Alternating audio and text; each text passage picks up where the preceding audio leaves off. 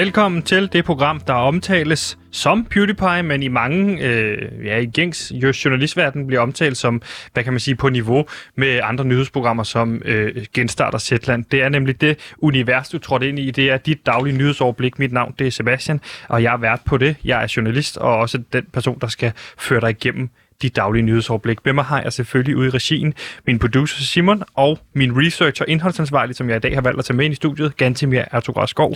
Gantimir, velkommen til programmet. Hallo, Gantimir her. Vi er spændte på at præsentere jer for de nyheder, som vi har samlet ind i dag. Øhm, oh my god, hvor har vi mange nyheder, som vi skal tage fat på i dag. Ja. Øh, du har jo for, altså, du har taget en nyhed med, ved jeg, øh, så vi skal igennem senere. Har jeg taget en nyhed med? Ja, du har taget en nyhed med. Det sagde du i hvert fald. Det er rigtigt. Jeg har set natholdet i går. Og det er jo et af de steder, som vi jo også, det talte vi jo i lang tid om i går, et af de steder, hvor man jo kan få nyheder. Det er jo faktisk i natholdet, fandt jeg ud af. Så jeg har taget en lille nyhed med fra natholdet. Og Gantimir, hvis man nu sidder derude, og det er første gang, man lytter til programmet, så kan man jo tænke, hmm, hvor skal jeg placere det her program henne? Så vil jeg sige, nu, har jeg, nu kan jeg godt gentage mig selv. Det er lige mellem Genstart og Zetland, der ligger vi. Sidder du derude nogle gange har følelsen, hvis du sidder for eksempel på din arbejdsplads eller i din studiegruppe og tænker, hov, det har jeg da ikke hørt før, hvad er det for noget med barnebrud? Så øh, for, frygt ej, fordi vi er i virkeligheden den, det er løsning på det problem, fordi, Gansimir, vi er jo, der, det, vi, er jo, vi skal jo udfylde det tomrum hos mange af de her lyttere, som sidder derude og tænker, jeg fatter ikke en skid, øh, ja. jeg har svært ved at følge mm. med i nyhedsstrømmen. Vi skærer det ud i pap. Det her, det er nyhederne, som du har brug for. Før Hver det eneste her... dag. Ja, før det her program, så sad du sikkert og tænkte, øh, det her forstår jeg ikke, hvad du snakker om. Det, jeg fatter ikke en skid. Ja. Men efter programmet, jeg forstår det hele. Jeg fatter det hele. Og det er vores mål her på PewDiePie at sørge for at klæde jer på, som ja. de små børn, de er, med viden og research. Og der vil mange sikkert tænke, jamen er det så nok bare at høre det her ene program, og så ved jeg alt? Nej, for det her program er ligesom kokain. Du vil have mere, du vil have mere, og du vil have mere. Og det er det faktisk det, det fede. bliver dyrt også. Det bliver dyrt, men ikke det her, fordi at øh, det bliver betalt af skatte, dine skattekroner. Dine højt tjente skattekroner betaler for det her. Så øh, det er ligesom statsfinansieret kokain, kan man sige det her. Ja, og er det ikke den bedste form for kokain? I hvert fald i min verden. Jeg har også hørt fra nogen, at vi kan få folk til at bløde ud af næsen, når de hører vores podcast. Det er rigtigt. Det er en klagesag, der kører lige nu øh, i forhold til en, der påstår, at øh, hans hjerneblødning skyldes det her program, fordi at vi var så, så dårligt i det radioprogram. Og det ved du hvad? Den sag må du køre, køre videre med. Øh, det kan ikke være vores problem. Det er det så ledelsen forklaret. Det er vores problem, fordi at øh, sagen ligger på vores bord. Mm. Så øh, den, den shuffler lidt rundt lige nu på lav. Hvem er det, der har lyst til at tage sig den hjerneblødning øh, hos en lytter? Det ved jeg sgu ikke lige. Kan Næseblødning. Næseblødning, som viste sig at være en jernblødning. Ja. Du har ikke fået læst op på øh, den nyeste mail, vi fik i dag? Nej, jeg har sædet der forberedt nyheder til i dag, ikke? så jeg har ikke læst den øh, sagsanlæg, der er imod vores program. Og nyhederne, det er det, vi skal i gang med nu, ganske mere. Glæd dig til en ny podcast med selveste Lucas Graham i podcasten Det Perfekte Liv, hvor han går igennem, hvor fantastisk det er at vokse op på Christiania, og hvordan der i hvert fald ikke er nogen problemer med det overhovedet. Det går bare helt gnidningsfrit. Hør Det Perfekte Liv eksklusivt på Radio Loud. Men inden vi kommer for godt i gang med nyhedsdrømmen, så er det også vigtigt at sige, jamen hvad foregår der egentlig i maskinrummet? Altså, hvad, hvordan er det at arbejde på en arbejdsplads, hvor at, øh, der både producerer nyheder, der samler nyheder op fra Ritzau øh, og så videre? Altså, Gantemir, det er det, vi måske skal prøve at give et lille indblik ind i dag. Mm. For vi ja. havde en situation i morges. Ja, men for, bare først og fremmest så vil jeg sige, at øh, hvis man som lytter tænker, jeg sidder derude og så forventer, ah, jeg får en hel masse nyheder. Men hvordan får jeg nyhederne? Jamen, det er så vigtigt at fortælle om, hvad er det, der egentlig leder op til vores program. Og så skete der nemlig noget i morges herude på Loud. Ja, fordi mange siger, at nyheder de er interessante. Ja, men det er også rigtig interessant at vide, hvordan man laver nyheder. Og det er det, vi skal måske fortælle om nu, fordi i morges, Gansimir, der havde vi jo denne her øh, fælles morgenmad. Og ja. det er en af de få dage, hvor jeg rent faktisk møder øh, 10.30, fordi det er en mulighed for at få noget af det her morgenmad. Og det dejlige kagebord. Og det er ja. jo sådan, vi har fået en ny direktør her på, øh, på Radio Loud. Han hedder Simon Andersen. Mm. Og øh, det er nu, en det, er nu det sker. Ja, det er nu, man nu, kan sige, sker. man kan regne ud fra mange steder, hvornår er år 0 for Radio Loud. Og 0 er den 1. september. en frisk start, det her. Ikke? Han kommer ind med en øh, ny vision, med en masse nye kræfter, og han kommer også med en øh, vision, der hedder morgenmad. Så hvor vi ligesom skal spise morgenmad en gang om ugen, eller en gang hver anden uge. Ja, det er en ny ting, han har indført. Man kommer der ind, og så er det, det ligesom på bordet. Ja, øh, og det er jo noget, han har kørt i rigtig lang tid. Og øh, man kommer ind, og så står der en pakke råbrød, der er noget leverpostej, og så står der et stort, flot kagebord. Og det har været sådan indtil videre i hvert fald, hvilket ja. Er helt åndssvagt, så har jeg troet, at der er jo ikke særlig mange, der har tør tage det her kagebord. Fordi folk går op og så kigger, så, så sidder Simon Andersen og ligesom holder øje, hvem tager hvad. Og folk mm. har været sådan, hvad, hvad er det, der foregår? Vi har jo på grint af dem, fordi, hallo, hvorfor gider jeg ikke have lækker kage? Det er, nam, nam, nam, nam, nam. det er jo alt muligt forskelligt. Der er kanelsnegle, og vinerbrød, og kardemommesnore. Og cheesecake. Og cheesecake, og kajkage også. Kajkage. Kajkage er der også. Ja, og den har jeg lige holdt mig fra. Og Andrea-kage også. Men det, er, det foregår ligesom sådan, at, at øh, Andrea kan, ja, at folk kommer ind i rummet, og så øh, står de og smører en, en leverpostejsmad på råbrød. Mm. Og, det er jo det pålæg, der ligesom det er det eneste pålæg, der ja. er, mens Simon Andersen sidder over i hjørnet. Han tror, jeg tror virkelig, han tror, at man ikke kan se ham, fordi at han har, ligesom har trukket de her gardiner foran sig. Men man kan godt se hele underdelen af hans krop. Det ved jeg ikke, om man Så ved. han, han, han står ved vinduet ved gardinerne, og så Ja. ja. ligesom gemmer sig lidt. Så står man han kan, holdt se, dem helt tæt sammen, så man, ikke, altså, så man kun lige kan se den ene brille stikke ud. Og man jeg kan ved- se hans fødder i hvert Ja. Hans jeg, sko. jeg kan godt se ham. Jeg har sagt hver, hver dag, godmorgen Simon, og han har bare været helt stille og sagt, Simon er her ikke. Ja, jeg har Og nogle gange øh, vinket til ham og så sagt, godmorgen øh, Simon, og så kan man lige se ham trække øh, for, Hurtigt fra. så man ikke kan se hans øjne Og så igen. går der lidt, og så trækker han fra igen og holder øje. Ja. Og øh, det, der så er sket, det er, at vi har taget kage hver eneste dag, og så er det, vi blev kaldt ind til det her øh, møde i dag, der hed øh, øh, Glamour Glitter. Det hed, hed mødet. Og vi tænkte, fedt. Nu sker det der stod ikke på noget. invitationen, Det stod på invitationen, tænkte, på fedt. den mail. Det kan være, der er kage. Øh, så, Ja, det er jo så lidt glamour og glitter, synes jeg, kager, ikke? Jo. Det kan være, at der var et kagebord derinde. Ja. Og det, der så sker, det er, at hele Radio Loud bliver samlet, og øh, så holder Simon Andersen så et oplæg, der handler om øh, robotsarbejde over for glamour og glitter. Og det, der så har vist sig, det er, udover at han har holdt øje, så har der også siddet GoPros over det hele inde i vores øh, store fællesrum, hvor han ligesom har filmet, hvem er det, der har taget råbrød, altså hvem er det, overført betydning. Det har åbenbart været en test de her sidste to uger. Hvem er det, der har været villig til at lave robotsarbejdet, og hvem er det, der har på festerne glamour og glitter. Og det var så ellers et langt øh, videoklip, det varede øh, 48 minutter, hvor man gentagende gange kun kunne se klip med os to Gansevir, Ja, der det var oppe at tage kage, og så se en masse andre spise robrødsmadder, mens vi bare stod og åd kage. Og hans pointe var ligesom, Ingen af de andre på Radio Loud har simpelthen taget kage. Det er kun os, så man kan se en hel masse klip af os, der går hen og tager for det, der kunne svare for 50 personers kage. ja, over lang, længere periode, ikke, kan man sige. Og så, jo, der er en dag faktisk, hvor at Agnes havde taget øh, et stykke kage, men så er der så også et klip bagefter, hvor jeg åbenbart fjerner kagen fra hendes tallerken og tager den over til mig. Fordi jeg kom ind lidt senere. Og, Og så slap Agnes jo for også at blive øh, Udstillet, udstillet. ikke? Ja, lige jo, præcis. Og hans pointe, Gansimir, var jo, Jamen det er jo, at øh, der, er nogen, der, der er nogen, der ikke skal føle, om de er købt eller solgt. Altså der er nogle hoveder, der skal rulle. Og vi bliver nødt til at se på, hvem der virkelig går ind for robotsarbejde, og hvem der går ind for glamour og glitter. ja, hans, ja, ja det- hans pointe var meget klar, Gansimir. Det var, at vi to var åbenbart de eneste, på, der ikke var villige til at lave dagens gode gerning og robotsarbejdet. Og øh, de, Siden vi spiser... Jamen jeg, jeg har spist så meget kage, at jeg har sådan en ringe for ørerne. Ja, du hørte ikke rigtig efter, fordi du tog dig en, en lur, fordi du var gået helt ko- sukkerkold. Så jeg må genfortælle Ja. ja. hans point, der sætter bagefter. Ja, og jeg, jeg, ja, det var også lidt ironisk faktisk, fordi jeg sad sagt, faktisk med en kardemommesnor, mens jeg fortalte om, at der er nogle mennesker, der tager... At du var faldet i søvn med en kardemommesnor øh, i munden, og øh, jeg prøver at vække dig, men du er, altså, du er ikke til at vække, og jeg er nede og mærke din puls, og den er bare væk.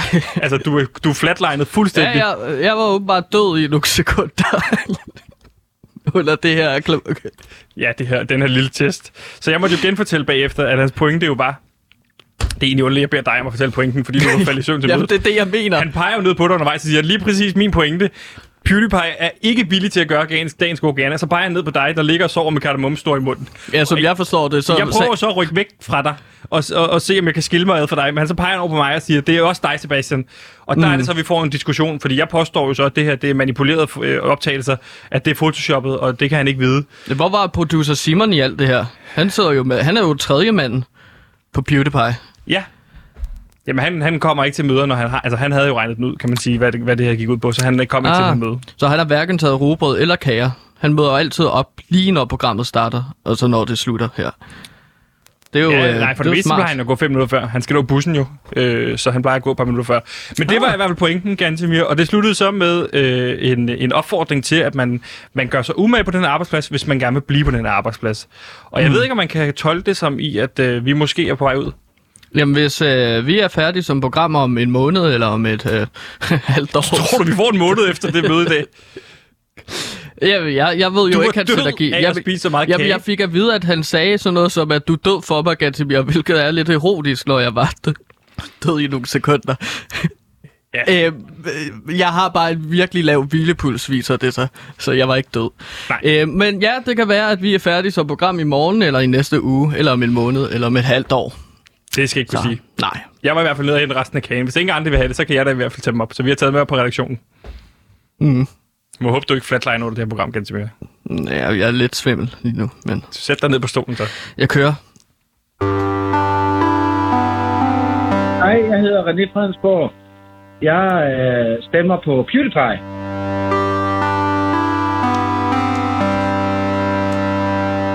God gamle René Fredensborg Gantemir. Nu skal vi til dagens første nyhed. Hvis du sidder derude og tænker, hmm, hvad er dagens store nyhed? Jo, det er selvfølgelig rigsretssagen, som kører lige nu mod Inger Støjberg. Fordi i dag er det 6. dagen ud af 36 planlagte dage i retten i forbindelse med rigsretssagen mod forhåndværende minister Inger Støjberg. Og i går var første gang, hun skulle afhøres. Kort fortalt så er Støjberg tiltalt for at have overtrådt øh, ministeransvarlighedsloven tilbage i 2000, 2016, hvor hun var udlændinge- og integrationsminister. Og det er jo en sag, som man kan sige kort fortalt går ud på øh, de her barnebrud. Altså man har skilt alle par ad, hvor der er en af parterne som minimum, som var under øh, 18 år.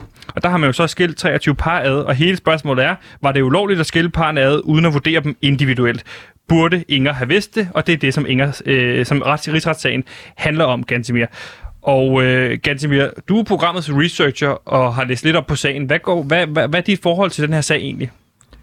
Øhm, jeg, jeg har ikke lyst til at snakke om den her sag, eller udtale mig om Inger Støjberg. Øhm, Hvorfor det, Gantemir? Vi er jo et nyhedsprogram, og du er researcher, derfor er det vigtigt, at du udtaler dig om de sager, vi taler om. Så kan du ikke bare vælge at sige, det her vælger jeg ikke at tale om. Jeg håber ikke, der kommer flere sager i dag, hvor du nægter at udtale om dem. jamen, det er fordi... Jeg har en historie med Inger Støjberg. Og Hvad mere har jeg ikke lyst... Jeg har en historie med Inger Støjberg, en personlig Fedt. historie med Den vil vi da gerne høre. Støjberg. Altså, og, og desuden kan du godt fortælle mig det inden, når jeg har gennemgået det her i morges. Øh, at jeg, jeg gennemgået, vi havde jo redaktionsmøde, hvor jeg siger, så skal vi snakke rigsretssagen. Men der, Der var jeg jo faldet i søvn. Der var du faldet i søvn igen. Ja, nogle gange så falder jeg i søvn, og det er meget hurtigt, men så hvis du snakker i to minutter, så får jeg ikke hørt det, du Men det, præsenterer. det lignede, du havde åbne øjne. Ja, men det er jo en... Det er jo en uh, blessing. Jeg kunne se dine mig. åbne øjne bag de briller der. Ja, men der har jeg så lige dykket ned i, i dvale med åbne øjne. Ja, okay. Øh, altså, nogle gange så jeg med åbne øjne. Nogle gange uh, snak, snakker jeg i søvne. Det er jo også muligt. Altså, det ved jeg ikke, hvordan jeg skal forklare. Jeg Hvordan har kan jo vi være sikre et på, at du helt ikke sover lige nu? søvne. Har du lavet det hele program i søvne? Ja, det har jeg. Hvordan kan jeg være sikker på, at du ikke sover lige nu? Og jeg taler med en Gantemir, en søv, sovende Gantemir. Men det kan du ikke være sikker på.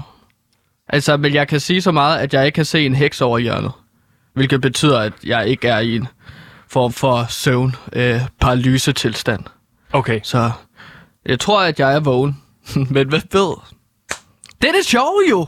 Det er fantastisk. Sover Gantemir, mens jeg laver radio live i luften. Det, det ved vi jo ikke. Men jeg føler som om, at jeg står her lige nu. Det kan også være, at det er en drøm. Eller et mareridt. Så kan lytterne måske ringe ind på 47 92 47 92, og så gætte, om jeg sover eller ej. Men kunne det ikke også være en del af dit mareridt? Altså, at, hvis lytterne ringede ind? Jamen, det er det, jeg så. Jeg drømmer jo altid om PewDiePie. Øh, så jeg føler altid, at jeg står inde i studiet og laver program. Men hvis jeg drømmer, så er det en heks, der vil ringe ind og så true mig på livet. Okay. Og nu får jeg faktisk at vide i øret, at vi har en, øh, en lytter igennem. Øh, hallo, hvem taler vi med? Hallo? Ja, hvem taler vi med? Hallo? Morten Randbæk, ja. Ja, goddag. Goddag. Mig og min bror Bjarne, øh, vi er bor på Nyhavnvej, men vi har et spørgsmål, det er, må vi slække dig i fissen? Det Øhm, hørte jeg ikke lige, Gantemir. Hørte du det? nej, det hørte jeg ikke lige, hvad der blev sagt der. Må vi slække Øhm. dig i fissen? Øh... Gantemir, du sagde, du havde en personlig øh, historie med Inger Støjberg. Hvad var den historie? Kan vi gå ind til den i stedet for måske? Jo, øhm, så siger jeg det. Så siger jeg det. Godt. Det krævede ikke meget overtagelse. Nej. Øhm, det, det, altså, du kalder mig også ud for åbent øh, mikrofon, så det er så lidt underligt, men nu skal du høre. Øhm, jeg har jo engang datet Inger Støjberg tilbage i år 2016. Du datede Inger Støjberg i 2016. Yes. Øhm, Hvor lang tid datede du hende? jeg datede hende i øh, ikke særlig lang tid. Et par måneder. Okay. To måneder. Deromkring, ikke? Jo. Men, men vi plejede jo at mødes, fordi jeg havde noget gang på øh, Christiansborg, øh, politikernes fæstning, hvor det ligesom er. Okay, du, du har jo haft din daglige gang på Christiansborg, både i forbindelse med, da du var tilknyttet øh, Frank Jensen. Frank Jensen. Han Ja. er jo så godt nok overborgmester på Rådhuset, men du havde en del møder over på, øh, på Christiansborg. Mm. Hvordan... Nu spørger jeg bare, så, så må du sige, hvis det bliver for, kommer for tæt på, men hvordan møder du Inger Støjberg, eller hvordan, ja, hvordan møder du hende første gang? Jamen, en ting er jo, at... Øh, altså, jeg har altid haft et, øh, en, en ting for rødhårede kvinder. Så når jeg lægger mine øjne på hende første gang, så tænker jeg, wow, hun ligner en drøm. Hun ligner sådan en prinsesse, der bare går hen ad Christiansborg gange i sin høje hæle og sin, sin fine tøj. Hvornår, øh, hvornår finder du første gang ud af, at du har noget for rødhårede kvinder? Da jeg så Pippi Langstrømpe første gang, hvornår ser du Pippi Langstrømpe første gang i dit liv? der er otte år. Og jeg ser Pippi Langstrømpe, og så tænker jeg, øh, hun løfter en hest, og så tænker jeg, gud, det kunne være mig, der blev løftet. Og det har jeg lyst til at prøve. Eller, så du det har var- jeg jagtet for- hele dit liv at blive, blive løftet af rødhårede kvinder? jeg forbinder det med at være rødhåret med styrke, og med power og Ja. selvtillid. Og det er jo så der, at jeg ligesom... Første gang, jeg snakker med Inger Støjberg, Prøv lige stop, stop, Ja. stop, stop, stop, stop. Hvad, hvad, hvad for nogle andre rødhårede kvinder er du faldet for efter Pippi Langstrømpe? Emma Stone. Emma Stone? Emma Stone tror jeg, at hun godt kunne, altså skuespillerinden, kunne sagtens bære en hest over sig. Har du mødt hvis hun prøvede. øh, Emma Stone? Nej, det har jeg ikke. Nej. Men jeg vil rigtig gerne møde hende. Så næste gang hun er i Danmark, så vil jeg prøve at se, om jeg kunne... Øh, øh, så hit me up, Emma Stone, hvis du er derude. Så vil jeg tage telefonen, og så kunne vi måske finde en ud af en date. Okay. Godt. Mm. Det var et sidespor, Gantemir. Lad os komme tilbage til Inger Støjberg. Du, fa- du møder Inger Støjberg hvorhen og hvordan? Hvordan møder I hinanden første gang? Jamen, for første gang, jeg mødes med Inger Støjberg, det er jo i en af de der skøre elevatorer, der er på Christiansborg. Og når du siger skøre elevator, hvad mener du med det? Jamen, det er de her elevatorer, der kører op og, kører op og ned. Det er jo ikke noget skørt. Det synes jeg er en meget øh, normal beskrivelse af en elevator. Jamen, det der er med dem, det er sådan gamle elevatorer, Ja. ja. er de. Som ikke har nogen døre, så det er sådan, man skal passe på med, at man ikke er for mange i elevatoren, fordi hvis du stikker en arm ud, så ryger armen. Øh, Siger du til mig, at inde på Christiansborg har de elevatorer, hvor hvis du bare har en arm en lille smule ud, så ryger den af? ja, ja, fordi at det kører jo op, så, så hvis du stikker armen ud, så kører du op, så rammer den loftet, og så bliver den så skåret af. Er det Øh. sket mange gange inde på Christiansborg? Det har jeg aldrig hørt om Jeg har før. kun set det en gang før. Du har set Øh. det ske? Ja, jeg stod i samme elevator øh, med pressearbejde fra de konservative, øh, som ligesom øh, begynder at pege, Hvad peger han på? at pege ud af elevatoren, og så siger, fuck, det er jo, øh, eller Ulla Terkelsen. Hende vil jeg gerne snakke med. Der står en Og så kører pressearbejder for, elevatoren op. der står en pressearbejder for konservative, der ser Ulla Terkelsen, peger på hende, og så ryger hans arm af. Ja, og så ryger arm af, og det er det, man skal altså, øh, høj- hans højre arm, vil jeg mærke. Ikke? Ja. Øh, så næste gang jeg ser ham, fordi han fortsætter som pressemedarbejder, man fyrer jo ikke folk, fordi de mister en arm, så siger jeg så til ham, at nu skal du ikke ud og lave for meget venstrehåndsarbejde. Som en lille joke. Ah, du, du laver lidt pis med ham. Ja, øh, så begyndte han at græde. Men det er en anden historie. Du Det møder er- Inger Støjberg første gang i de her elevatorer. Ja, første gang jeg møder hende, og det er øh, Inger Støjberg, der kommer vi til at snakke lidt om øh, vores øh, fælles kærlighed for øh, hårdt arbejde og hunde. Hvad siger du? Undskyld, jeg zoner lige ud. Jeg kom til... Øh... Hvad er det, du siger? jeg snakker med Inger Støjberg om vores fælles kærlighed til hunde og hårdt arbejde. Okay. Og det er- Hvordan, er det dig, der åbner den, eller er det hende, der åbner Jamen, det er jo mig, der føler, at, at, at, at jeg, hun, hun, hun har en magisk energi og karisma, som jeg rigtig gerne vil øh, blive en del af. Altså en del af hendes øh, liv. Prøv at date hende. Se, hvad, hvad det kan Hvad er for din noget. åbningsreplik? Øh, nå, er det hårdt for tiden? Øh, politik. Øh, Du siger, øh, når er det hårdt for tiden, øh, politik? Ja, på, øh, lige præcis. Og så siger jeg, jo, det er vel hårdt nok. Og så spørger jeg hende om, øh, om du har nogensinde har løftet en hest, spørger jeg hende om. Og så spørger hun, hvorfor fanden spørger du mig, om jeg har løftet en hest? Og, s- og så siger jeg så, det er en reference til Pippi Langstrømpe, men også fordi, at det er en øh, øh, metafor for hårdt arbejde. Okay. Og så skriner hun så. Og der falder hun for dig. Ja, hun har sådan en øh, lidt grøntet grin. og så øh, falder hun så for mig, eller vi får aftalt, at vi skal ud på en date. Ja. Og så, så jeg på Jenses Bøfhus, øh, der, øh, der sidder vi så og spiser, og vi aftaler så, at vi skal tage hjem til hende. Der skete aldrig noget mere fræk. Men jeg ser så øh, øh, den her Vent, vi, fantastiske... Vent, lige, stop lige. Prøv lige at stoppe. Du, din, øst, din historie, lige du går i øst og vest. Du siger ikke ud på Jensens Bøfhus. I tager hjem sammen, og ja. der sker ikke noget frægt. Nej, Hvad sker der så? jeg ser, at hun har den her øh, Molly. Hunden Molly, ja. ser jeg. Ja. Og hun løber rundt og har det rigtig, rigtig sjovt, Molly. Mm. Og jeg bliver så øh, betaget af lille Mol- Molly. Af hendes hund. Ja, hendes hund. Hvorfor bliver du betaget af hunden Molly? Fordi jeg kom til at tænke på min barndom og en reklame, jeg engang så. Øh, kan du huske den om marmeladen-reklame for den gamle fabrik? Ja, altså de er meget nostalgiske reklamer. hvor der løber et øh, barn øh, rundt og råber, Kom så, Molly!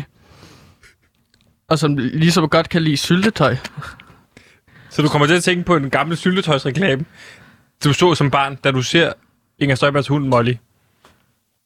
Og det er derfor, ja. Ja. der ikke sker noget frækt, eller hvad? Nej, men, jamen, så falder jeg så i søvn med Molly på, på mit skød. Men vi aftaler så mig og Inger Støjberg, at vi skal snakke sammen igen. Og jeg insisterer på, at hun skal tage Molly med. Ja. Så Molly kommer med ud, og vi går en tur i parken. Og øh, Er Inger Støjberg med her, eller er bare dig, der er ude og gå tur med hendes hund? Jamen, det er mig, der går tur med Molly. Det lyder mere og mere som om, at du, du bliver Molly, altså du bliver Inger Støjbergs hundepasser, mere end du har datet Inger Støjberg. Jamen, jamen, jamen, jeg kunne også godt lide Inger Støjberg. Øh, jeg, jeg, jeg fortsætter så med at hænge ud med Molly, blandt andet også hjemme hos øh, Inger Støjberg, hvor vi får, øh, Hvor du passer hendes hund. ja, hvor, hvor, hvor hun sådan, øh, altså også øh, giver, giver et lille skål med, øh, med hundefoder til Molly. Og så kommer hun ind igen, og så ser hun, at mig, både mig og Molly ligesom har delt om den her hundeskål. Øh, fordi at mig og Molly havde et, øh, et, et, et, altså et bånd til hinanden. Øh, ja, men det, det, det er en længere historie omkring mig, Molly og Inger Støjberg. Ja, Øh. ja. Det lyder mere som om, det er en historie om dig og øh, Inger Støjbergs hund, end det er en historie om dig og Inger Støjberg, der har datet. Det lyder så på mig som om, I har været på en date, det er gået katastrofalt, og du er blevet hendes hundepasser efterfølgende. Ja, det var me- mest af alt mig og Molly, der så hang ud. Men det ender jo så med, at øh, Inger Støjberg bliver øh, lidt træt, træt af mig, har jeg fornemmelsen af. Og Fordi jeg, du, du går rundt i hendes hjem, passer hendes hund og spiser hende- hendes hunds mad. jeg kna- øh, kn- knaver i hendes øh, sko. Du Sammen i Inger. Støjbergs Jamen, jeg sko. Ja, og i møblerne knaver jeg også lidt, fordi mine tænder kløede så meget, så jeg skulle bare bide i et eller andet. Ikke? Øh, men det udvikler sig så til, at Inger Støjberg slet ikke svarer igen på de beskeder, jeg sender til hende. Og det gør mig jo fuldstændig ked af det og deprimeret, Sebastian. Det ved jeg ikke, om du har prøvet før, at der er sådan en kærlighed. Det er jo, at der er kvinder, der ikke har ringet tilbage. Ja, præcis. Og du, det bliver så ked af det, og du bliver så såret af det. Ja, man lærer også at putte skjort på sig selv. Ja, og, med, og min måde at takle det på, det var så en Aldrig aften... ringe til en kvinde igen. Nej, det, det var, at en aften, så drak jeg mig rigtig, rigtig fuld. Og jeg havde lyst til at ringe til Inger og fortælle hende, hvor meget jeg savner Molly. Også lidt Inger. Ja. Men, men Molly især, ikke? Så at, at jeg, jeg får ringet, og jeg får også sendt en mail til Inger. Og så vågner jeg jo så øh, dagen efter, og jeg skammer mig så meget over, at jeg har lægt, lagt en telefonsvar. Drikker du alene her på det her tidspunkt? Ja, jeg har du drikker drukket alene? Ja, jeg Er drikker du gået ud i alene. byen og drukket alene, eller drukket derhjemme alene? Jamen, jeg har siddet på en øh, lille bar, en tilrådet bar, hvor jeg har siddet med, den hedder A-bar, hvor jeg har siddet med et øh, glas. altså, øh, A-bar, whisky. altså Australia Bar. Ja, I, Kø- okay. og så har jeg sat mig op i baren, og så har jeg siddet og røget cigar og whisky og grædt alene, hvor, På- bartender, øh, hvor bartender så smed mig ud til sidst. Man må ikke ryge derinde, Nej. Men det gjorde jeg. Ja. Og så bliver jeg så smidt ud. af barn. Og da du er på dit all-time low, du, du er lige blevet smidt ud af bare for at ryge cigaretter ind, der Ja. vælger du at tage telefonen op og ringe til Inger Støjberg. Ja. Hvad siger du i den her telefonsvarbesked? Yes. Eller undskyld, Yes. yes. tager hun telefonen? Nej, hun tager ikke telefonen. Nej. Okay, hvad siger du så i telefonsvaren? Jamen, jeg siger så, Inger Støjberg, fucking undskyld, hvis jeg er for øh, dum, at jeg har fejlet. Giv mig en chance til, lad mig se Molly igen. Jeg savner Molly. Jeg har lyst til at bruge mere tid sammen med Molly. Kan vi ikke blive enige om, at jeg bare måske mødes med Molly en gang imellem, og så giver vi vores forhold en chance til. Okay. Sådan, Hvad siger hun til den telefonsvarbesked? jamen, hun, hun siger ikke, altså hun, hun, hun svarer ikke på... Hvad den siger du? Be, hun svarer ikke på den besked. Hvorfor svarer hun ikke på beskeden? Jamen, det ved jeg ikke, men jeg, jeg bliver så skamfuld over den her telefonbesked, Sebastian, at jeg simpelthen bliver nødt til at, øh, at øh, tage ind på Christiansborg for at slette beskeden på den telefon. Så okay, så hun får aldrig beskeden. Nej, det gør hun så ikke. For, fordi Hvordan jeg vågner meget kan du, tidligt Hvordan kan du få adgang til Inger Støjbergs telefon? Jamen, jeg har et kort til Christiansborg, ikke? Ja.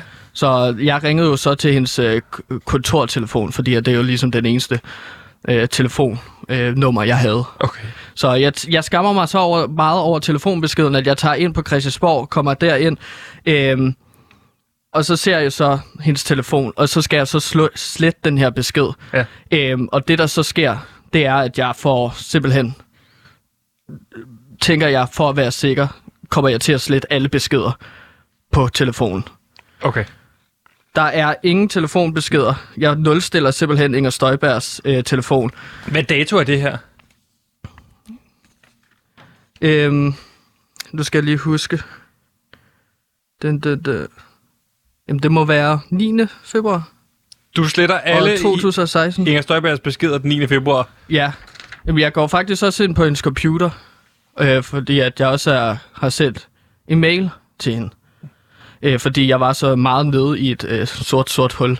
Så jeg får også sendt et arbejdsmail til hende, og så går jeg så ind, og så ligesom ser jeg, og jeg bliver nødt til at slette alle mails, så jeg sletter også alle hendes mails. Og du er helt med på, at hun lige nu er i en rigsretssag for at påstå ikke at have modtaget et notat den 9. februar på mailen, som, som skulle have været sendt til Udlændingsstyrelsen, som Udlændingsstyrelsen aldrig har fået, og derfor øh, er den her instruks blevet ulovlig, da, da der ikke medfølgte det notat, som notatet jo sagde, det her skulle være med forbehold og undtagelser. Var det omkring samme periode? Det er den dag, det er samme dag, hvor du har slettet hendes beskeder. Åh. Okay. Nå. Ja. Skaden er sket, vel? Det er jeg ked af. Mit navn er Frans. Det her er radio.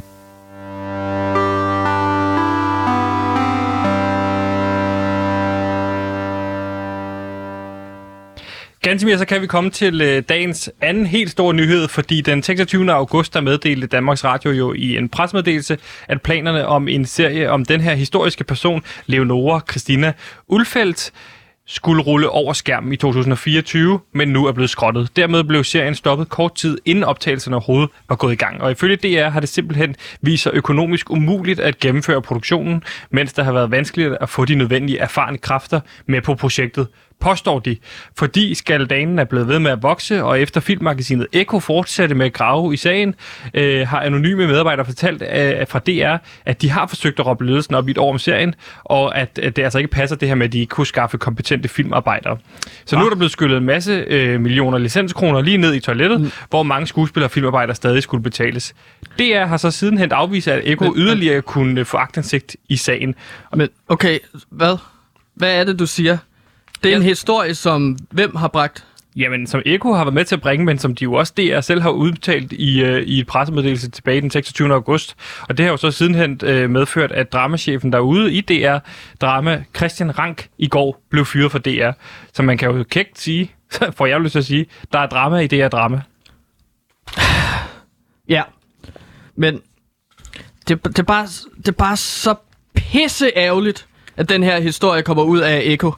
At de kommer ud med den her historie om drama i DR Drama. Jeg har jo selv gravet i den her historie. Ja, mand. det, det, det siger du jo, fordi jeg kommer ind i dag og siger, at vi skal snakke om det her DR Drama, fordi jeg havde den her sjove øh, linje, man kunne sige, der er drama i DR Drama. Øh, og så, så, så bliver du pisse sur og begynder at kaste med tingene. Ja, Hvorfor bliver du så sur? jamen fordi at jeg selv gerne vil ud med den her historie. inden Eko.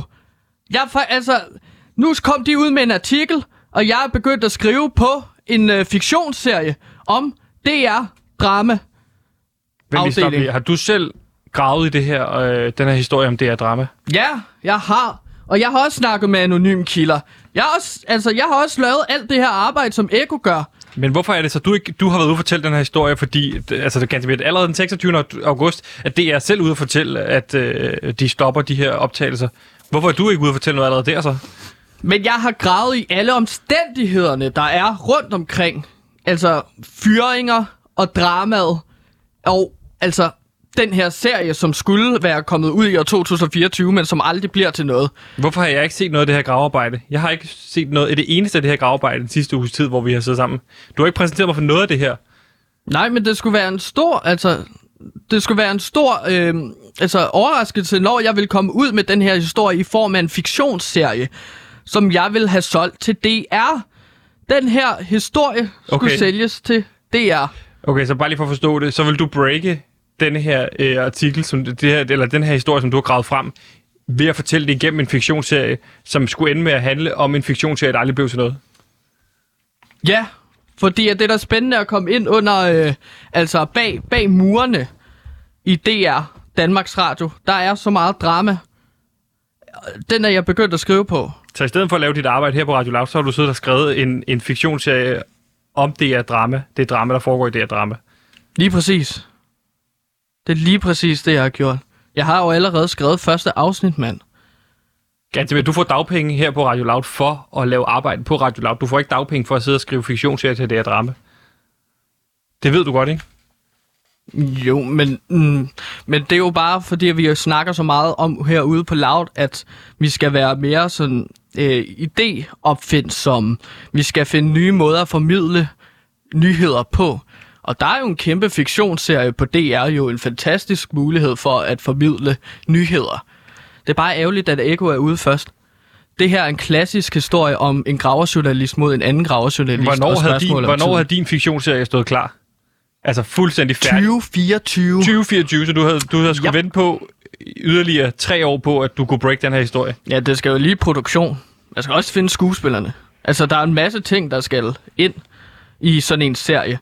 Øhm, så ja, det er super ærgerligt. Øhm, den havde været rigtig fed at komme ud med, den her historie, men der er der lige nogle eko-mennesker, der er foran mig, hvert fald. Gantemir, en ting. Men i det mindste, Gantemir, så er du begyndt at blive kulturkritisk, og det er jo vigtigt, vi er det her på, på, hvad hedder det, på fladen.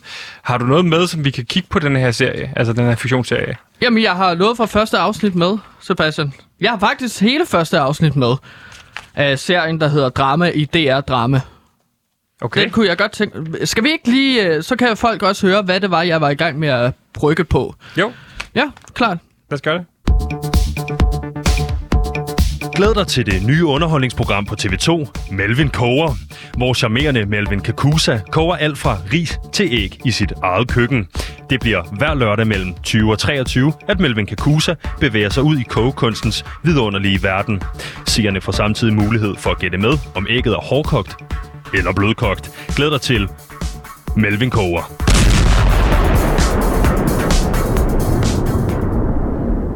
Yes, den serie, som jeg har brygget på, den hedder Drama i DR Drama. Og det handler om livet, og det handler om skandalerne, intrigerne og menneskerne, der er at finde på Danmarks Radio. Og især den afdeling af Danmarks Radio, der hedder DR Drama. Så ligesom med Borgen, som er en DR-serie, som øh, havde en overordnet historie, men øh, den havde samtidig også nogle enkelte sager. Det var det, Borgen handlede om. Som og det vil jeg gerne også lave med den her serie, som jeg brygger på. Så vil jeg gerne beskrive nogle af de sager, man kan komme ud for, når man er en del af afdeling Danmarks Radio Drama. Og din, din plan var at sælge den her serie til DR selv, altså en kritisk serie om DR til DR. Ja, når de først får hørt alle de greb, som jeg bruger i min film, og også at jeg er en øh, instruktør med, øh, med kant på, så kan de også tage, over, øh, øh, ligesom, tage kontrol af sagen, eller de kan føle, at de har en overhånd i formidling af sagen. Okay, så, de, så fordi de selv laver serien, så kan de selv styre serien ganske mere. Hvis du skal beskrive den her serie, hvad, hvad, hvad, udover det minder om borgen, hvad, hvad kan vi så sætte på? Hvad, hvad minder det her for en, for en serie om? Jamen, øh, kæmpe succes, serie. Det Succession. Min... Nå, okay. Jeg tror bare, du sagde, at det minder om en kæmpe successerie. Det gør det også, som jo Succession er. Succession, det er jo den her HBO-serie omkring øh, magtkampene intern i en familie, stor familievirksomhed, øh, medievirksomhed, ikke? Som ejer medier, den Ja. her familie, ikke? Jo. Så det er meget sådan en serie om medier og magt og kontrol. Ligesom det, der sker inden for Danmarks Radios vægge. Øhm, og det er ligesom det, som øh, øh, min serie skal handle om. Jeg kan se, Øhm. du har taget et manuskript med. Det er jo afsnit 1. Hvor mange afsnit skal der være i den her serie? 8 i første sæson. 8 i første sæson. Ja. Der er flere sæsoner. Ja, ja. Ja, det skal der altid være, hvis man starter på en serie. Der skal i hvert fald være mulighed for, at du kan fortsætte, hvis det rent faktisk er godt. Jamen ellers så er det en miniserie, og jeg skal ikke lave miniserie. Det er der ingen, der gider at se. Hvor- Hvad har du imod miniserier? Der er fremragende miniserier derude, så som Chernobyl for eksempel. Det er da en fremragende miniserie. Men jeg vil ønske, at jeg kunne se en sæson 2. Den er så god. Men der Jeg er vil jo- gerne altså- have mere, indtil det bliver dårligt. Men det er jo en afrundet historie i Chernobyl. Der er jo ikke sket mere siden. Jamen, så skal man bare have nogle gode forfatter på, der ligesom kan skrive lidt mere på det. Så kunne sæson 2 handle om turistindustrien i Tjernobyl, ikke? Så kunne det hedde Tjernobyl sæson 2 Tourist. To brødre, der bygger to- turistfirmaer op, som rangerer øh, rejser til Tjernobyl, ikke? Det er en hurtig idé, jeg lige fik. Så let er det. Men nu Bum. handler det ikke om Chernobyl sæson 2, Ganti, men nu handler det om øh, tv-serien, der skal sendes på DR, som hedder Drama i DR Drama, Gantemir. Øh, kan du fortælle første afsnit, hvad, hvad åbner vi på? Hvad sker der her? Jamen, øh, altså første afsnit, det handler jo om øh, skandalen med den her stort anlagt serie om Leonor, Leonora Christine. Ja. Og det, er, og det her, er en, den serie var jo en historisk serie i samme stil som 1864, som så er, ender med at blive aflyst og skabsblid. Okay, så er, er, er, er, er der her tale om en fiktionsserie, Gantemir, eller bygger det en til en på rigtige begivenheder? Det er en fiktionalisering af virkeligheden. Hvilket vil sige... Virkeligheden. Jeg har taget virkeligheden og så skrevet fiktion over det. Okay, Øhm, fordi jeg ved jo ikke altid, hvad der helt præcis bliver snakket om mellem to mennesker. men det er det, du har Men ja. gravet i. Ja, lige præcis. Okay, Gantemir, hvad er, øh, hvad er åbningsscenen? Hvad åbner vi op på? Kan du fortælle lidt om det? Ja. Vi åbner op på teksten, sort skærm, øh, med hvid skrift. Den 9. oktober 1636. 1636. Ja. Ja. Det her det er jo en sag med den her, den her serie, der kører om Leonora. Den foregår jo i 2021. Ja. Det er åbning, øh, åbningsscenen, der... øh, Sebastian, skriften står der lige nu, okay? Ja. Og øh, 1636. Okay, det er der, vi er nu. Fordi at vi er til en overdådig bryllupsfest i Slesvig Holsten. Okay? Ja. Og det er jo Leonora Christina, der står som øh, 15-årig og er blevet gift med rigsgreve og rigshofsmester Corfitz Ulfeldt. Okay. Som mm. er jo det, som den her DR-serie skal handle om. Der, får, der starter vi scenen op simpelthen. Ja, lige præcis. Og vi møder så alle de fra- mange fremmødte, og vi følger Leonora, som står selvfølgelig nervøs foran kirken, og hun skal til at gå op af alderet. Uh. Øhm, hun er smadret nervøs, hun står også og ryster lidt. Sådan. Og så siger hun så, ah, Hvem spiller yes. Leonora? Det er jo meget vigtigt. Hvem spiller sådan en øh, kongelig, adelig person? Anne David, Anna David? sangeren. Anne David. Jeg har brugt hende før i en anden sammenhæng. En serie, som jeg også har planlagt, ikke? Men altså, du siger til mig, at det er en Leonora, der er 15 år. Han David er jo ikke 15 år i virkeligheden. Make-up. Så gør vi hende meget yngre. Så bliver hun 15 år. Er det så vigtigt for dig, det er Anna David? Ja, men hun må gerne også lige synge en sang, mens hun går op ad alderet. Så lidt ridelalderlig sang. Sådan en folkesang, ikke? Øh, for ligesom at synge om hendes følelser. Hun er nervøs. Så hun kommer så op til alderet, og pressen begynder så sin tale. Okay. Vi er samlet her for at øh, de, vores to mennesker, der står her foran os, Leonora og Corfitz, at de skal giftes. Ja. Mand og kone. Må jeg bare lige hurtigt stoppe der og så spørge, folk der har set den her serie, hvor de har blevet, det er blevet markedsført som uha Succession-serien, øh, sådan en magtkampe i DR, der står i starten, her kommer DR præsenterer drama i DR Drama, og så åbner vi op i 1636, hvor vi skal se, øh, hvad hedder det, Leonora og Christina blive gift med Corfield Ulfeldt. Tror du ikke folk sidder og tænker, hvad fanden er det, jeg sidder og ser? Det bliver et kæmpe spil. Selvfølgelig trailerne reklamerer også for en hel masse drama øh, på DR. Men bare vent, fordi at det kommer til at give mening lige om lidt. Okay, og hvor lang tid vil det bare... Du kan ikke, du kan ikke tage et Jamen, afsnit, lige om bare... lidt, så kommer jeg til det. Okay, fint. Det bliver rigtig godt. Fordi at øh, hun skal til at sige ja, men inden hun når at sige det, så begynder Altså, hun der... står ved alderet. Ja. Ja. Så starter der en telefon. Ja, og de kigger sig omkring, hvad fanden... Hvor Men kommer er jo- den der, her der, er underlige lige lyd? stået, der er lige stået 1636. Ja. Hvorfor fanden er der en Og alle telefon? gæsterne, de kan ikke genkende den her lyd. Hvad er det for en lyd? Så tag dog telefonen. Så er vi i et mørkt værelse. I sengen, der ligger der en uh, ung, flot mand med navn Johan Markus. Johan Markus. Spillet af Nikolaj Likås. Okay. Kæmpe rolle til ham. Øh, Der ligger en voksen mand i en seng. ja, men han bliver så vækket af sin telefon. Og han tager den så. Det er jo en smartphone, så vi ved, at øh, jeg tænker også, måske man kan se datoen. Og altså, står der der står det er 2021, ikke? Okay, okay, vi er tilbage igen, ikke? Og det er så DR's dramachef, Men han har- Christian Rank. Men han har en gammel Nokia-ringtone. Jamen, det er en joke at have en gammel telefon, fordi at før var vi i 1636. Så har vi en et, et gammel telefon ringtone, og så er vi i 2021. Okay, så det er så- sådan lidt leg med tiden. Så ikke? vi, vi får faktisk lige nu fortalt Ja. en lille smule om ham her, Johan Markus. Han er typen, der er download sådan en Nokia-ringtone, så den kan lyde sådan her, når, han, når den ringer, ikke? Han er meget sådan, ja, Han er, quirky, det er en quirky meget karakter. ironisk. Det er også derfor, du har spillet, spillet valgt Nicolai Likos går ud fra. Han, han kan lidt af begge ting. Han kan være øh, smadret seriøs, men også smadret sjov. Hvem er det, der ringer, siger du? Det er, Det det er er dramachef Christian Rank. Det er Christian Rank, og han siger, at Johan skal komme ind til DR-byen med det samme. Det er en nødsituation. Okay. Det er virkelig, virkelig vigtigt, så Johan lægger på, og så åh, han kaster sig lige tilbage i seng. Eller han er så lidt opgivende. Trækker vejret tungt. Så rejser han sig op igen. Tager bukser på. Han tager ikke bad. Ser vi, Han at bare han, han, ud. du ved, nu tager han bukser på. Har han også, tager han også underbukser på, eller har han ligget i underbukser? Nej, det gør han nemlig ikke. Så Men vi han har ser ham ikke underbukser på. røv. Okay. Hvorfor skal vi, han er det vigtigt, at vi skal på. se ham, ham nøgen? Det, det er fordi, at det er et sjovt karaktertræk, han ikke har underbukser på. Og det starter vi jo så med, så vi ved, at når han optræder igennem serien, så har han ingen underbukser på under sine cowboybukser. Og det er en vigtig, synes det er en vigtig pointe. Eller er det, Det bare kommer sådan, til at få et payoff senere i sæsonen. det er faktum, at han ikke har underbukser på. Mm. Fedt. Ja, Hvad sker der så, og så kommer vi jo så, når han lukker døren og kommer ud, så kommer vi ind på en introsekvens. Der er en temasang af bandet Mykur, og den sang hedder Harpens Kraft.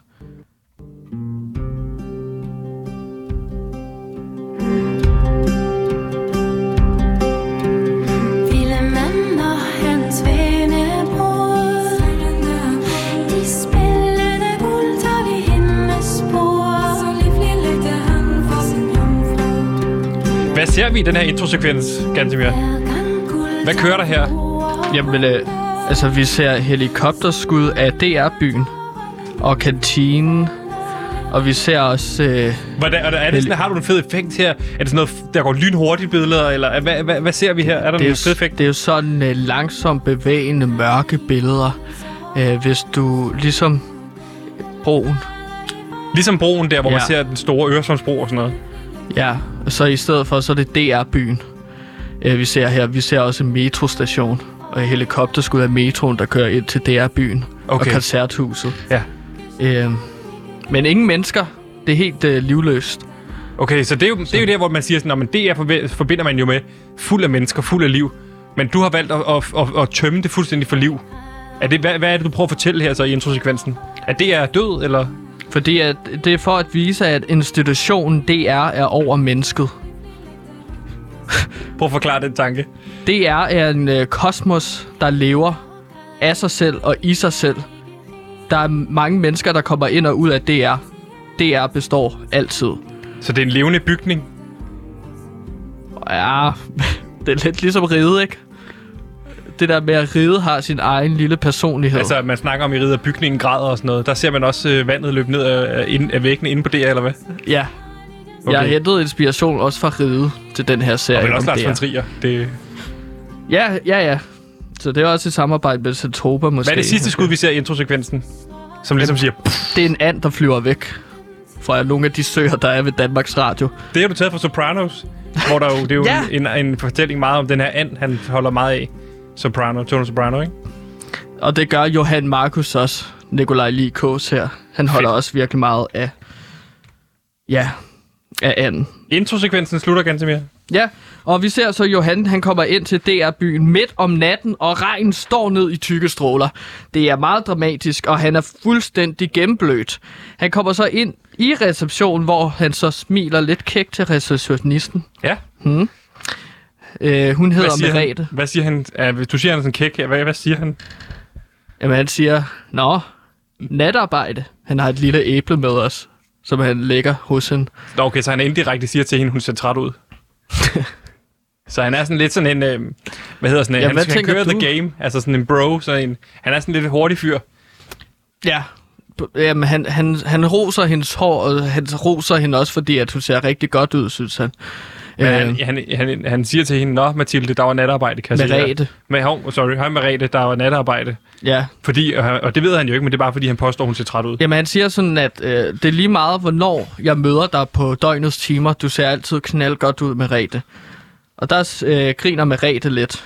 Og øh, han, bliver, han får så lov til at gå ind på DR, selvfølgelig. han arbejder på DR. Okay. Så inde i Danmarks Radio, der bliver han mødt af en skaldet mand ved navn Christian Rank. Og han står med en utændt cigaret i mundvigen, og han ser ret nervøs ud. Hvem er- ryster hvem- lidt på hænderne. Hvem spiller øh, Christian Rank? Christian Halten. Christian Halken er fremragende skuespiller. Godt valg. Ja, jeg, jeg prøvede at finde skaldede skuespillere. Og så så jeg et billede af den kære Christian. Og så var det også meget fedt, fordi de hedder begge to Christian. Ja. Så det giver meget mening. Og så han er sparer så- vi lidt tid. Men han er desværre ikke skaldet. Nej, vi klipper ham skaldet. Ja. ja. Godt. Øhm, og han, han står så der og ryger en cigaret, og så går de sammen ind i Bamses hus, der står lige ved recept, øh, altså møde. Lige når man kommer ind på DR, så står Bamses hus. Hvorfor går de til i. Bamses hus? Jamen, det er der, hvor de altid holder hemmelige møder på Danmarks Radio. Så går man ind i Bamses hus. Okay, så det er ligesom i for eksempel House of Cards, hvor de holder hemmelige møder ved sådan en øh, vi- vivltrappe. Ja, Der holder de dem bare i Bamses hus. lige præcis. Og så kan man også se, at det ryger ud af Bamses skorsten, hvis skorstenen ikke er faldet. Så Det er også en måde at se, hov, der er der et hemmeligt møde, der må vi ikke gå ind. mister det så ikke lige præcis effekten ved at være et hemmeligt møde, hvis vi altid kan se, at der er hemmelige møder. Hvis folk går forbi, du siger, at folk går forbi, ser der røg, og så siger de, nå, der er et hemmeligt møde i gang. Ja, men så ved man, at man ikke skal gå derind. Det er ligesom, når der er ryg på toilettet, så ved du, at når døren er låst, der kan jeg ikke gå ind. Det Ja, må men, jeg det, ikke. men det er heller ikke nogen hemmelighed, at jeg er på toilettet. Når jeg, så er det tværtimod, så siger jeg, nu er jeg her, lad være med at komme herind. Hvis det var hemmeligt, at jeg var på toilettet, så Nå, ville jeg jo ikke gøre det rødt. Man ved bare, at der er et hemmeligt hø- møde. Man ved ikke, hvad de snakker om. Nej, Der er mange hemmeligheder på Danmarks til døren. Og så, så, så, Om de har fået det lydisolerede Bamses hus. okay, så Johan Markus Det, og det er også Christian, noget, Christian øh, kommenterer på. Åh, oh, der er godt nok lydløst derinde. Eller lydisoleret, fordi at vi har sat sådan nogle filtre op. Eller hvad det hedder. Det, det ved jeg ikke, hvorfor jeg skal... det er dig, der forklare har valgt at forklare det i, i serien. Hvad sker der så? Christian øh, Rank og øh, Johan Markus øh, sidder og holder et hemmeligt møde, hvor de ryger i den i Bamses hus. Ja, de sidder derinde i Bamses hus, og de tænder begge to en smøg. Og Christian fortæller så, at der er en anonym medarbejder, som lægger ting til pressen. Christian, han stoler jo på Johan Markus. Øhm, der, han stoler ikke på nogen af de andre. Og det er også det, som Christian han siger til øh, Johan Markus. Han har kun kunne stole på Johan Markus her. De skal begge to have styr på, hvad fanden det er, der foregår, hvem der lægger til pressen, Okay. inden de begge to bliver fyret. Christian Rank og Johan Markus, hvordan er deres magtforhold? Hvem hvad, er, er Johan Markus hans højre hånd, eller øh, hvem er chef for hvem? Johan Markus er hans højre hånd. Han var ligesom hans første, altså Christians første. Øh, eller Johan Markus er lige under Christian. Ja. Hvis du forestiller dig House of Cards, Ja. han er ligesom, Johan Markus er ligesom Christians fixer. Okay. Han får, han får sørget for, at der sker ting. Ja. Øhm, og så cutter vi så er det, til... er det noget, man har i DR? Altså, du, nu har du gravet en del i DR. Er det så, at cheferne har fixer, der går rundt og fikser ting for dem? Ja, og det er jo blandt andet min øh, journalistik, at øh, jeg har lavet gravearbejde, så jeg ligesom kan skrive om det her i min fiktionsserie. De har fixer derude på radio. Øh, radio. Danmarks Radios chefer har fixer. Okay. Mm. Øh, men så cutter vi så til Johan, og han sidder på sit kontor. Han er i gang med at spise en kajkage. Okay. Det er senere på dagen. Hvorfor spiser han kajkage? Er Det, det gør sådan man meget på DR. At der er sådan, hvad er dagens kage? Om det er en kajkage. Et, men de må, hver godt dag. spise, de må godt spise kage på DR, men på Loud må vi ikke spise kage. Jamen, det er kun kajkager, man kan spise derude. Og det er noget, din research viser, eller er det her, du fiktionaliserer over virkeligheden? Øh, Det viser min research, at det er kun kajkager. De er meget uh, protective omkring deres... Uh, altså, Kai er jo en DR-legende, så den vil man jo gerne køre videre på. Og det, det, det siger han også, Johan. Uh, Hvad siger han? Mens han sidder og spiser kajkage på sig selv, så siger han ting højt. Han bliver mere og mere en quirky karakter. Fordi, du, ved, du har fortalt, beskrevet ham som sådan en, at du ved, vi ved, at han er nøgen under bukserne. Han, er sådan, han har styr på kv- kvinderne, men han sidder og taler med sig selv, når han spiser kajkage. Hvad siger hvad siger til sig selv? det er også det, min research viser, at man skal være lidt skør, lidt quirky, for at være chef på DR. Men du elsker den her karakter, kan jeg. Jeg elsker ham. Han Okay. er for fed. så kommer Merete, receptioniste, så ind. Hun okay. lukker døren bag sig. Pam. Han, sidder stadig, han lægger lige øh, kajkagen på bordet. Ja. Der er stadig et halvt kajkage tilbage.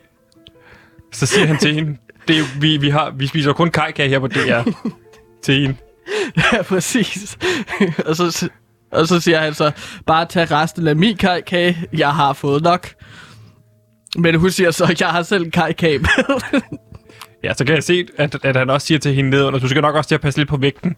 Så han er sådan en, en meget hård karakter i virkeligheden, ikke? Altså, han er hele tiden charmeur, og så straffer han. Charmeur, og så straffer han. Det er jo sådan meget the bro code, han kører, ikke? Jo, jo, og det er The det, game, Nikolaj lige kås, han kan. Ja. Både være sympatisk og sjov, men også lidt af et røvhul og lidt drama, ikke? Jo, Okay. i det her drama. Ja. Hvad sker der så i den her scene? Johan, han spørger jo så hende, om hun har hørt noget, ikke? Hun er hans øjne og ører på Danmarks Radio. Ligesom i Game of Thrones, der har de hans små fugle. Der er hun ligesom hans... Hans lille fugl, hans lille kajkage. Kalder han i kajkagen. Den her scene handler meget om kajkage. Jeg synes, at man kan godt få det ud med det samme, ikke? Det er også en metafor for så fremmest, fordi han æder DR. Okay, så det er, kajkagen er et symbol på DR, Ja, og den æder han. lige præcis. Åh, kæft, der er mange metaforer. DR-byen er i live. Jeg elsker det allerede, Gatsby. Jeg er jo også stor fan af ride. Ja, Berete fortæller jo så, at øh, Johan, han fortæller, hun fortæller Johan, at øh, direktøren for DR Kultur, Børn og Unge, Henrik Bo Nielsen, er på Kristin, og der skal rulle hoveder, fordi at nu er den her dramaserie lige så blevet aflyst. Det har kostet en masse penge, ikke? Jo, og det her med Rete, receptionisten, som han kalder Kajkaj, det har hun bare hørt. Hun har kontakt til alle de andre receptionister. Det er jo sådan et netværk af receptionister. Hvor mange receptionister er der i DR? Det er 58 receptionister på 58. Danmarks Radio. Og det er sådan et netværk, hvor de, de viden det deler med hinanden. Ja, de, de mødes en gang imellem Fedt. til en kop kaffe. Det er et fedt greb. Og så, ja, og så sidder de og snakker. Det er jo hans små fugle ja. i virkeligheden, ikke? Små kajkager. Ja, og så, øhm, så efter de har snakket business, så fejrer Merete kajkagen ned i skraldespanden. Okay, den halve, som både hendes egen, men også øh, Johan Markus er ned Ja. i skraldespanden, okay? Og så sætter hun sig på skødet af Johan. Og så siger hun så, Nå, hvad der blev der så af min belønning? Nu kommer romantikken. Ja, lige præcis. Hvad siger han så? Jamen, så siger han, øh, det kommer nu. og, så, øh, og så trækker han bukserne ned. Og Ja, han har jo ikke underbukser på. Det. præcis. Ja, men lige inden at han vel skal stikke øh, sin penis op i Marete, så bliver der banket på døren. Og ind kommer dramachefen Christian Rank. Uh, og Marete når lige Christian at rejse. af Christian Halken. Ja, lige præcis. Ja. Og Hvem Christian, spiller Marete? Lena Marie Christensen. Fedt. Mm. Klassisk skuespiller. Ja, Christian siger så, at øh, de skal til møde med Henrik Bo Nielsen nu. Det er vigtigt. Okay, det er noget af en cliffhanger, og der stopper vi dig her. Jeg kan se, at afsnittet er ikke helt færdigt her, men der stopper jeg dig, Gantemir, fordi at øh, vi, Vi er mere simpelthen færdige. Ja. Og der slutter, slutter, der slutter øh, det, vi kan nå af afsnit i dag.